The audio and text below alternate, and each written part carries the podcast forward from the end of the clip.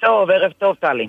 ושלום, יש לשאול אה, מה שלום אה, החזית אה, הרוסית באוקראינה או החזית האוקראינית מול רוסיה הולכת ומתחממת שוב, לילה קשה, מתקפות אוויריות, גם נפגעים, וכל זה עוד לפני מתקפת האביב שמדברים בה. בדיוק, טלי, אז בהחלט עוד לילה קשה, קודם שמענו על אומן, על 24 הרוגים, על 34 פצועים עכשיו uh, במתקפת הלילה, וזה בעצם uh, אף פעם לא נעצר ולא נגמר, מה שכן את לגמרי צודקת, כי אנחנו שמענו עוד בחודשי אוקטובר, תחילת נובמבר, שעכשיו הם ייקחו איזושהי הפסקה טקטית כדי להכין את שני הצבאות למתקפת האביב או מתקפת הקיץ, אנחנו שומעים על זה זה מזמן, מחודש אוקטובר, אפילו היו תוכניות של פנטגון אה, לכאורה mm-hmm. שנגנבו ופורסמו. Uh, תראי, אבל בינתיים אי אפשר לדעת, ו, וכעת מתקפות הגדולות, לא של רוסים וש, ולא מתקפה גדולה אוקראינית, היא עדיין תחת סימני שאלה, ואני אגיד לך גם למה. מדוע? מצד אחד, אוקראינה חד משמעית, עם כל המוטיבציה באמת מעוררת הערכה וכל התמיכה הבינלאומית ואימונים שהחייליה עוברים והטכניקה שהיא מקבלת, גם אם היא יוצאת עכשיו למתקפה, על פי רוב המומחים, התוצאות לא יהיו דרמטיות. הרי מה אמורה להיות התוצאה? זה לשחרר את השטח האוקראיני שנמצא בידיים רוסיות. כנראה כעת זה לא נראה כדבר אפשרי, ובגלל זה אנחנו עוד לא רואים מתקפה נגדית מסיבית. אגב, זה לא אומר שזה לא יהיה, נכון, היום, מחר או מחרתיים. אז, אבל עדיין, כדי לנצח את רוסיה ולהשיג הישגים גדולים, כנראה עדיין הם עוד לא מוכנים סופית. ומה זה הישגים גדולים? זה באמת לשחרר את אוקראינה יבשתית לפחות, אני כבר לא מדברת על חצי קרים, וזה יהיה נורא קשה מכיוון שמודיעין הבריטי ומודיעין האמריקאי מדווחים בימים האחרונים mm-hmm. שרוסים הכינו קווי הגנה רציניים מאוד. עוד הם מדווחים, אני אגיד לפני זה שיש גם אה, במסמכים, מסמכי הפנטגון שדלפו, אנחנו יודעים אה, שמזהים גם קשיים בקרב הכוחות האוקראינים. אמנם חלשות ועייפות בצד הרוסי, אבל לא פחות מזה, או במידה גדולה גם בצד האוקראיני. זה נכון, טלי, אבל אל תשכחי שלצידם של האוקראינים זה המוטיבציה הגדולה. הם נלחמים על הבית. ברור שיש התעייפות, שנה וחודשיים הם במלחמה נגד מעצמה ענקית, כן? אז זה ברור שזה קורה. אבל עדיין, תראי, יש כאן אבל. זלנסקי שמקבל תמיכה כה מסיבית, לא יכול לא להראות איזה שהן תוצאות. אז זאת אומרת, ההתלבטות שלו היא די ברורה, וגם המוטיבציה לתקוף כנראה היא די גבוהה. אבל מהם היכולות אנחנו כעת עוד לא יודעים. זה צד האוקראיני. לגבי הצד הרוסי, אחרי כישלון די גדול של רוסיה במהלך שנה ושנתיים, כישלון מכל הצדדים, בינלאומי, משפטי, כן, כל הזה בית משפט בהאג, שפוטין בעצם מבוקש שם, הכלכלי וכמובן צבאי, רוסים אני אגיד לך מה לצידם במלחמה הזאת, זה הזמן. פוטין פשוט רואה שהעולם, אם לא שכח על המלחמה, לא שכח חד משמעית, אבל זה גם לא הנושא המדובר יום יום בתקשורת, את מבינה? זה הפך כמעט לשגרה, ולרוסים אין, אין להם יכולת, כן, להגיע לניצחון, אולי כפי שהם, וכל העולם חשב לפני שנה ושנתיים שהם יגיעו לקייב, אבל יש להם נשימה ארוכה, והם כן יכולים לתת לעצמם עוד זמן. זמן הזה עולה, עזבי עכשיו את המוסר ואת הכסף, זה עולה חיי אדם משני הצדדים, כן. אבל רוסיה במצב שהיא לא ממש מתכוונת להפסיד במלחמה הזאת, וממש לא יכולה גם לנצח במלחמה הזאת. מכאן טלי לי מסקנה אחת, הסיפור הזה ממש, אבל ממש רחוק מסיומו. אז, בוא, אז נינו בסדר, אני אשאל אותך כמה דברים בעניין הזה. ראשית, כשאת אומרת אה, להחזיר את השטחים אה, ש, שרוסיה אה, אה, כבשה או החזירה לעצמה בתפיסתה מאוקראינה, האם הכוונה בכוח צבאי, או להכריח את הרוסים להגיע לשולחן משא ומתן. ויש היום את סין שכבר אה, גם אה, בוחשת בניסיונות אה, תיווך. אז זאת שאלה אחת שעולה, האם הכוונה היא הכרעה ממש פיזית בשדה הקרב, או הבאה או הכנעה לא הכרעה אלא הכנעה. והעניין השני כמובן זה ציוד ותחמושת מערכות הגנה אווירית, לפי הדיווחים, לפחות בתקשורת הזרה, הצליחו אה, לסכל הרבה ממתקפת הטילים אה, הרוסית והעמידה את האוקראינים בהתקפת נגד על מטרות רוסיות מאחורי קווי החזית. זאת אומרת, יש גם עכשיו כבר ירי, זאת אש, אבל האם המטרה היא, שוב, להכריע או להכניע כדי להגיע לשולחן משא ומתן? טלי, שתי האופציות הן אפשריות, כן? רלוונטיות זה מילה לא טובה שאנחנו מדברים על המלחמה, אבל שתי האופציות הן אכן אפשריות ורלוונטיות, והכל יהיה תלוי בכמה דברים. אחד, במצב בחזית. כן, איזה צד מרגיש וירגיש בעתיד, אולי בעתיד הקרוב, שהוא יותר חזק. זה אחד. שתיים, למי תהיה נשימה יותר ארוכה. קודם כל בתמיכה. עד כמה היא תמיכה בינלאומית תמשיך להיות מסיבית עד כמה המערב הקולקטיבי יעמוד לצידה של אוקראינה, וגם זה, אתה יודע, אם הם פתאום מקבלים, כן, נשק שהם מבקשים, פלוס את המטוסים F-16 שהם הם מבקשים. הם מקבלים יותר, הם דווקא מקבלים יותר מאשר בעבר, הסנקציות הכלכליות דווקא נראה לי קצת אה, התערערו. העיצומים הכלכליים. בהחלט, בהחלט כן. הם מקבלים, והם כל הזמן אומרים שהיה להם יותר קל אם הם היו מקבלים יותר. טלי, תקשיבי, על פי הנתונים האחרונים, אוקראינה שורפת בחודש אחד יותר פגזים uh, 155 מילימטרים מאשר ארצות הברית של אמריקה מייצרת בשנה. Mm-hmm. Mm-hmm. מבינה? הם שורפים את זה בחודש. זאת אומרת, הם צריכים את זה, וברור שבמלחמה, כל עוד יש לחימה, והיא יש שם כל הזמן, אה, אז צריך את התחמושת. אז תמיכה, אה, מצב בחזית, ועוד פעם, למי תהיה נשימה יותר ארוכה משני הצדדים? על מה הרוסים בונים כאן? שלעולם יום בהיר אחד אולי יימאס. שאוקראינים, כפי שאת אמרת, יכול להיות מאוד, אין מה לעשות, זו מדינה גדולה באירופה, אבל עדיין יותר קטנה מרוסיה, יש שם פחות אנשים, אולי תהיה, יהיה פקטור שהם התעייפות, אבל עדיין יש מוטיבציה. ו... ותקשיבי, באמריקה יהיו בחירות יום בהיר אחד.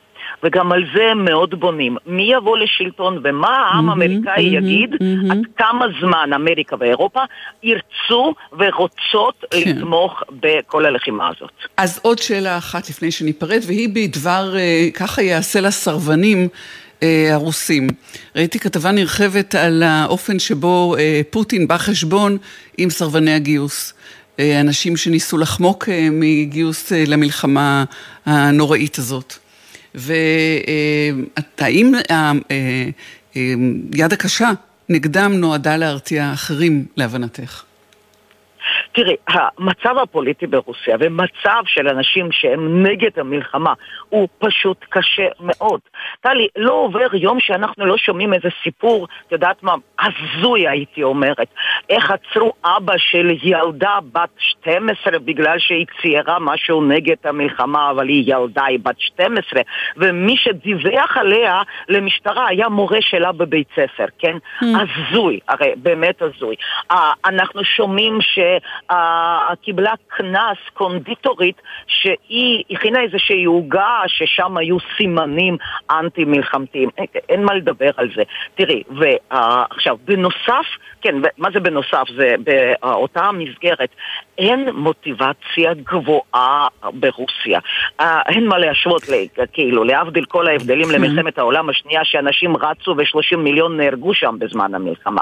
מה שכן, טלי, מה שכן, וזה חשוב לקחת בחשבון, כל יום שעובר, גם הפרופגנדה הרוסית וגם ההבנה הפנימית אצל העם הרוסי, אומרים להם דבר אחד, שהם לא נלחמים נגד האוקראינים, אלא הם נלחמים נגד ארצות הברית, נאט"ו והמערב הקולקטיבי. וזה, יש סכנה שיכול להגביר את המוטיבציה, שכעת היא מאוד מאוד נמוכה, במיוחד שפוחדים מגיוס כללי חדש.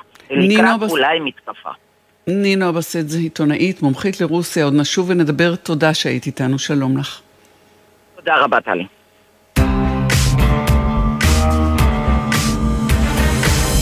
ועכשיו אה, אה, לידיעה בדבר קידום אה, נוהל לפטור מחובת ראיון אישי בתהליך לקבלת רישיון להחזקת נשק. זה סיכום שהושג, כך דווח אתמול, בין השר לביטחון לאומי למנכ"ל המשרד שלו. לוחמים ששוחררו עד חמש שנים מיום השחרור ומשרתי מילואים פעילים, שוטרים וכבאים, יקבלו פטור מראיון פיזי בלשכות כלי הירייה לפני שמקבלים רישיון לנשק פרטי. שלום לך רלה מזלי, רכזת קואליציית האקדח על שולחן המטבח. שלום טלי. ואנחנו מודאגות. פרויקט האקדח נכון. על שולחן המטבח הוא קואליציה של ארגוני נשים תחת מטריית אישה לאישה. פרויקט שפועל לצמצם את תפוצת הנשק במרחב האזרחי. נכון. מתוך תפיסה שהנפגעות העיקריות הן נשים, אבל אני מרחיבה את היריעה אה, לאור האלימות הנוראית מסוגים שונים, אה, על רקע כזה, כזה, כל מיני רקעים, כך או כך אלימות אה, גוברת. מדאיג מאוד, מטריד מאוד. מאוד, וקודם כל תודה שאת מארחת אותי ואותנו. המספרים עולים, המספרים של האלימות, אה, של הפגיעות האלימות, גם בחברה היהודית וגם בחברה הפלסטינית mm-hmm. של פלסטינים אזרחי ישראל עולים. עולים בהתמדה ועולים אה, יותר ויותר מהר נראה כך, למרות שקשה לדבר על מגמות בפרקי זמן קצרים. אה, והמספרים האלה יש להם קשר ישיר לתפוצת נשק. אה, נשק ברישיון זולג כל הזמן, במאות כל שנה, למאגר הלא מורשה, הלא חוקי. אין נשק טוב ונשק רע. נשק הוא נשק הוא נשק והוא עובר ידיים והוא נסחר ונמכר ונגנב וכל הזמן יש תנועה. של כלי ירייה. אה, גם בידיים של אנשים בעלי רישיון הוא לא אה, בטוח. אה, לפעמים בטעות, לפעמים בפשיעה. אנחנו יודעות שכשהוקמה הקואליציה הזאת ויצאו, אני אגיד קמפיינים, כי פתאום ברכה לי מילה כן. העברית לזה, להעלאת כן. מודעות. אה, לחשש מנשק בידיים של מאבטחים, שכשהם גומרים את המשמרת הם באים הביתה. עם הנשק. נכון, בניגוד הדברים, לחוק אז. בניגוד כן, לחוק, כן. ואכן החוק באמת אה, אה, מקפיד, לכאורה לפחות, על כך שהנשק יישאר במקומות העבודה, משום שאלה, זאת הייתה פרצה שבאמצעותה אה, נעשו, אה, אה, היו גם אירועי רצח או, או אלימות אה, אה, ופגיעה. אה, בבית. כן, אז, אז זה נבלם לכאורה. בעשור כן. האחרון. לא, זה לא נבלם. זה נבלם לתקופה אמרתי מסוימת. אמרתי לכאורה, כן. כן, כן, זה נבלם לתקופה מסוימת כשבאמת הייתה תקופה קצרה של אכיפה קפדנית. ואחר כך זה, אה, החוק תוקן במרכאות, או בעצם מה שקרה זה שהוצאה הוראת שעה שעומדת בעינה עד היום ושופט בית המשפט העליון כבר קרא לה הוראת קבע. אה, והוראת השעה הזאת החזירה את הנשק של חברות האבטחה לבתי המאבטחים, זה הרבה יותר זול. לאחסן אותו שם, ו, אה, והרציחות וההריגות בנשק הזה חזרו, לא, אה, לא כל שנה כמו שהיה קודם, אבל, אה, אבל חזרו, בהחלט חזרו. אנחנו מכירות מאבטחים שהיו מעדיפים להשאיר את הנשק ולאחסן אותו בעבודה, יש כאלה ש, שיכולים לעשות את זה, יש כאלה שבוחרים לעשות את זה ו, ובאמת ברצון מפקידים את הנשק, אבל לא כל חברה ולא כל גוף מאפשר את זה. וכן, זאת דוגמה. זאת דוגמה אחת ממגוון של דוגמאות למה אה, קורה כשנשק הוא זמין. אה, אנחנו יודעות שבבית שיש בו כלי ירייה, אה, על פי מחקרים בחו"ל, כי בארץ לא עושים מחקרים כאלה, עולים הסיכויים של אישה להירצח בין. שלושה לחמישה. עצם הזמינות של הנשק משפיעה. היא משפיעה על התאבדויות, אה, היא משפיעה על תאונות ועל פציעות. אה, הנשק, ככל שהוא מתרבה, הוא מרבה סכנה. הוא לא מרבה ו... ביטחון. יהיו שיאמרו, אה, אראלה מזלי, שמקרי הרצח ולו האחרונים יכולים להוכיח, מתרחשים בכל מיני אמצעים ולאו דווקא בנשק חם. וה, והדבר הנוסף הוא ההיגיון, ואנחנו תכף נדבר גם עם, עם ניצב בדימוס דוד צור, שהיה מפקד משמר הגבול, והוא יסנגר על העיקרון שבמצב ביטחוני כשלנו, נכון ואף הוכח שנשק בידיים מיומנות במרחב הציבורי יכול להועיל גם לתחושת הביטחון וגם בפועל במקרים שבהם נדרשת התערבות. כמובן שיש איזה היגד צאו עם נשק ותהיו אבל זהירים בשימוש בו, ואנחנו יודעות שזה לא, לא, לא מתכנס, כמו שאומרים. כן, הידיים המיומנות של המאבטח בשועפאט לפני כמה חודשים בפברואר ירו למוות ב, uh, בשותף שלו לעבודה, בשוטר המג"ב uh, uh, שעבד לצידו. אה, שנפגע אמנם מסכין, אבל, אה, אבל נהרג מהירי של המאבטח. אה, ויש, הוא לא הראשון ולא האחרון, אבל את המקרים האלה לא סופרים. הם לא מקבלים אה, יחסי ציבור כמו המקרים שבהם ירי אה, עוצר או נראה שעוצר מה שנתפס כפיגוע. לא תמיד זה ברור, ברור שזה פיגועים. כן, זה אחת הסכנות הגדולות. מה? זו אחת הסכנות הגדולות, שזה... נכון, נכון. יש, במקרה של, של למשל של יעקב אבו אה, התברר בזכות החברה האזרחית שלחצה מאוד בנושא, שלא היה פיגוע ולא היה שום דבר, וירו למוות בו, ובגלל שירו בו גם השוטר נהרג. אה, אבל מיד תהיגו את זה כפיגוע, וזה קורה. זה קורה שוב ושוב, אנחנו לא יכולות לדעת כמה. כן. אה, אז בפועל יורים ו... ושופטים.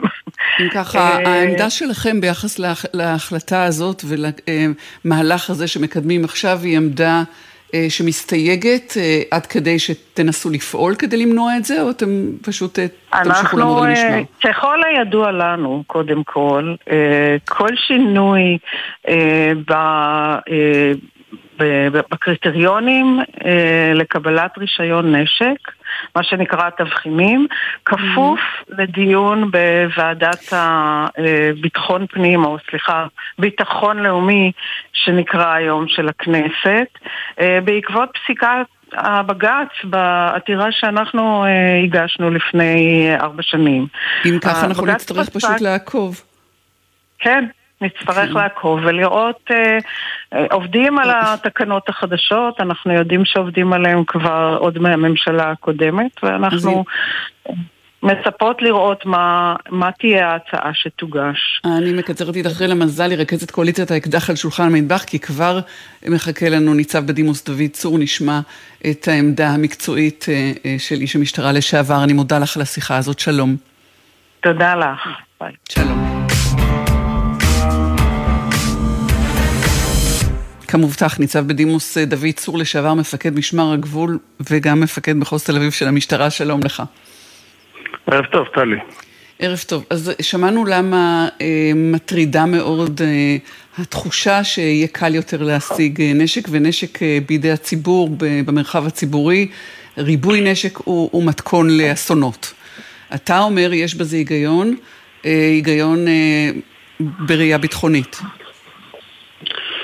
קודם כל, ברמה העקרונית כן. אה, עם, אה, עם אה, שלייקס וכל מיני סייגים שצריך לומר אותם. אני גם טיפלתי בעניין הזה גם כשהייתי חבר כנסת, אני מכיר יותר את העמותה הזאת, היא הייתה אצלי כמה פעמים. רק הקשבתי קודם לדוברת, ואני חייב להגיד לא הבנתי מה... אני לא הבנתי מה היא רוצה, כי בשורה התחתונה היא נתנה איזה שתי דוגמאות שאין להן שום קשר ל... ל... נאמר, לאותם רסנים שצריך כן לשים. גם אה, מקרה אבו אלקיעאן וגם מקרה המאבטח אה, בשועפאט, זה שני מקרים שבהם השוטרים אה, היו צריכים להשתמש בנשק. כן, אבל הדיון הוא לא בשוט... הדיון הוא לא בשוטרים שישתמשו בנשק, אלא אזרחים שיחזיקו בידיהם נשק. אני מבין, טלי, לכן אמרתי, אני רוצה קודם כל להתייחס לעובדה כן. שהציגה איזה שתי דוגמאות שאין להן שום שחר. זאת אומרת, בתפיסת עולמה... בכלל היה עדיף ששוטרים יסתובבו כל היום עם פרחים וגם... היא, היא, היא לא יכולה להשיב, היא לא יכולה להגיב לזה, אני מניחה שזה לא מה שהיא התכוונה אליו, okay. אבל אוקיי. בוא, בוא נראה מה, למה כן, לא למה לא. לדעתי, העובדה שאנחנו נמצאים במציאות כזאת, שבה אה, גם אלימות קשה מאוד, וגם בעיקר אה, אירועים, אה, אירוע רודף אירוע של סחר, ראינו בעיקר במקרים האלה של המפגעים הבודדים, שהם יודעים היטב לעצור אירוע כזה במקומות שהם נמצאים. לצערי ראינו גם מקומות, למשל, כמו הפיגוע שהיה בנווה יעקב, שבהינתן שלא היה אף אחד, אז בוצע שם טבח. ולכן הדבר הזה אה, מאוד חשוב לסיים אירוע מהר. איפה הבעיה באמת, וצריך לומר, יש בעיה בעניין הזה, זה המיומנות. זה העובדה שלא ממש אה, מקפידים בהקשר של התבחינים, אה, מנטלית. אני כבר אפילו מתעסק, בזה ברמה של טכנולוגיה, שיכולה למנוע מצבים שבהם מאבטחים למשל שבסיום יום העבודה כי הגיעו לכל מיני אבסורדים, למשל שמחייבים אותם לשים את, ה, את הנשקים בכספות, למרות שזה לא זהו, לא שלא מחייבים אותם. אז לא מחייבים אותם, ואז זה שוב מתכון לאסון. יש תקנה שמחייבת, אבל בהוראת שעה ובצדק אגב, כי אי אפשר להיערך לדבר כזה.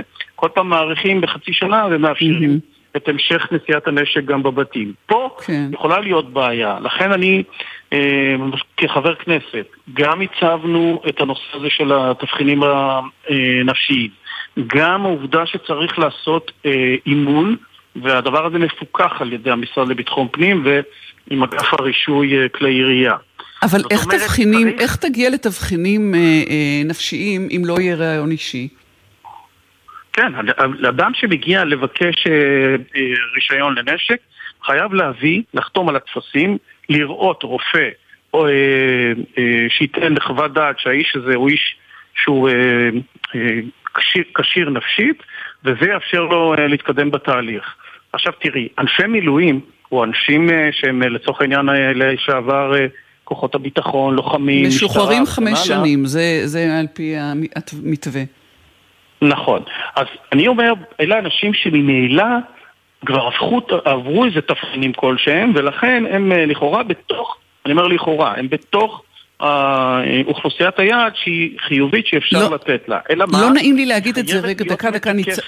דקה, דקה, ניצב בדימוס דוד צור, אני אגיד משהו בעדינות רבה.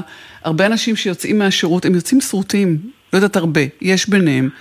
באופן אוטומטי, אה, לאפשר המשך נשיאת נשק במרחב הציבורי ללא עוד רעיון שיבחן את מצבם לא, ברגע נתון הוא בעייתי, אולי. טלי, אמרתי בסיפה שלי, אמרתי שחייבים לתקף את העניין הזה דרך זה שהם חייבים לעבור תבחין.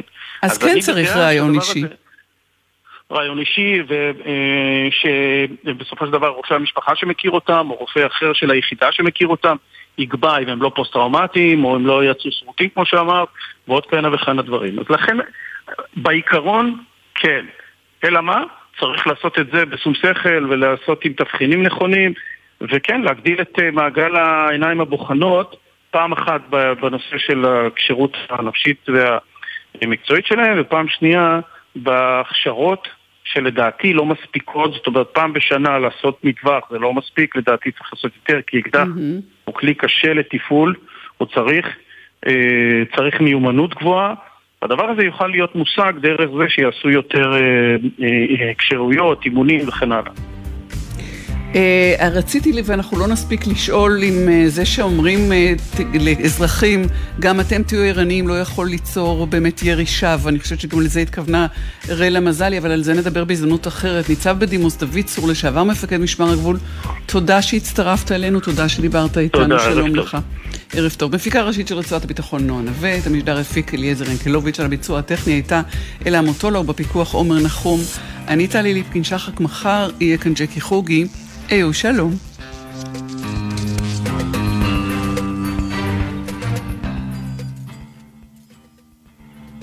בחסות Holmes Place ו Go Active, המציעות 50% הנחה על המנוי שבמבצע בארבעת החודשים הראשונים. להצטרפות חייגו, כוכבית 9940, כפוף לתקנון. בחסות Pharmaton, מולטי ויטמין שוויצרי, שנבדק במחקרים קליניים, המציע שיפור ברמת האנרגיה במשך כל היום. Pharmaton, להשקיע בעצמך, כמוסה אחת ביום. נשמע, נשמע, סוף השבוע,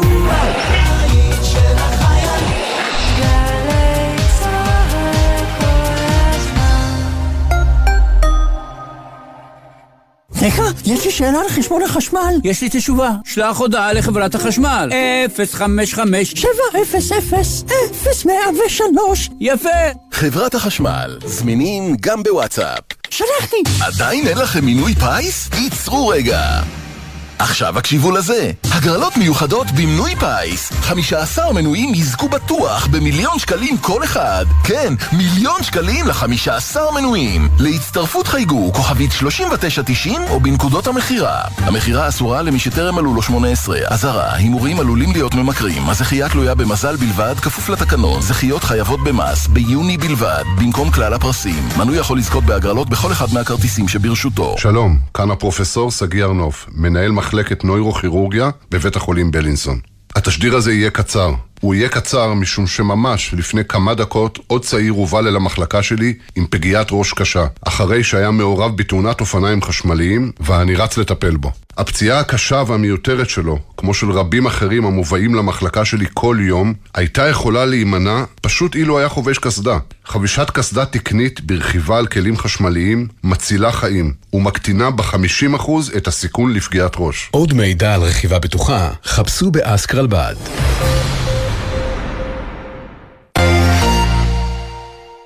אמא, מתי נגיע? עוד מעט מתוקי. יש לי פיפי. אני רעב. נועם מחביץ לי. לי לקחה לי את תסמיכי. מתי מגיעים? שקט! בוקר טוב, דידי. בוקר טוב, ירדן. רוצה לשמוע סיפור? רוצה לשמוע שיר? שבת בבוקר עם ירדן בר כוכבא ודידי שחר. תוכנית הרדיו של גלי צה"ל במיוחד לילדים. בכל שבת ב-9 בבוקר פשוט הדליקו להם את הרדיו. או האזינו בכל זמן שתרצו, באתר וביישומון גלי צה"ל ובכל זירות ההסכתים. מה, כבר הגענו? עכשיו בגלי צה"ל, המהדורה המרכזית של חדשות 13.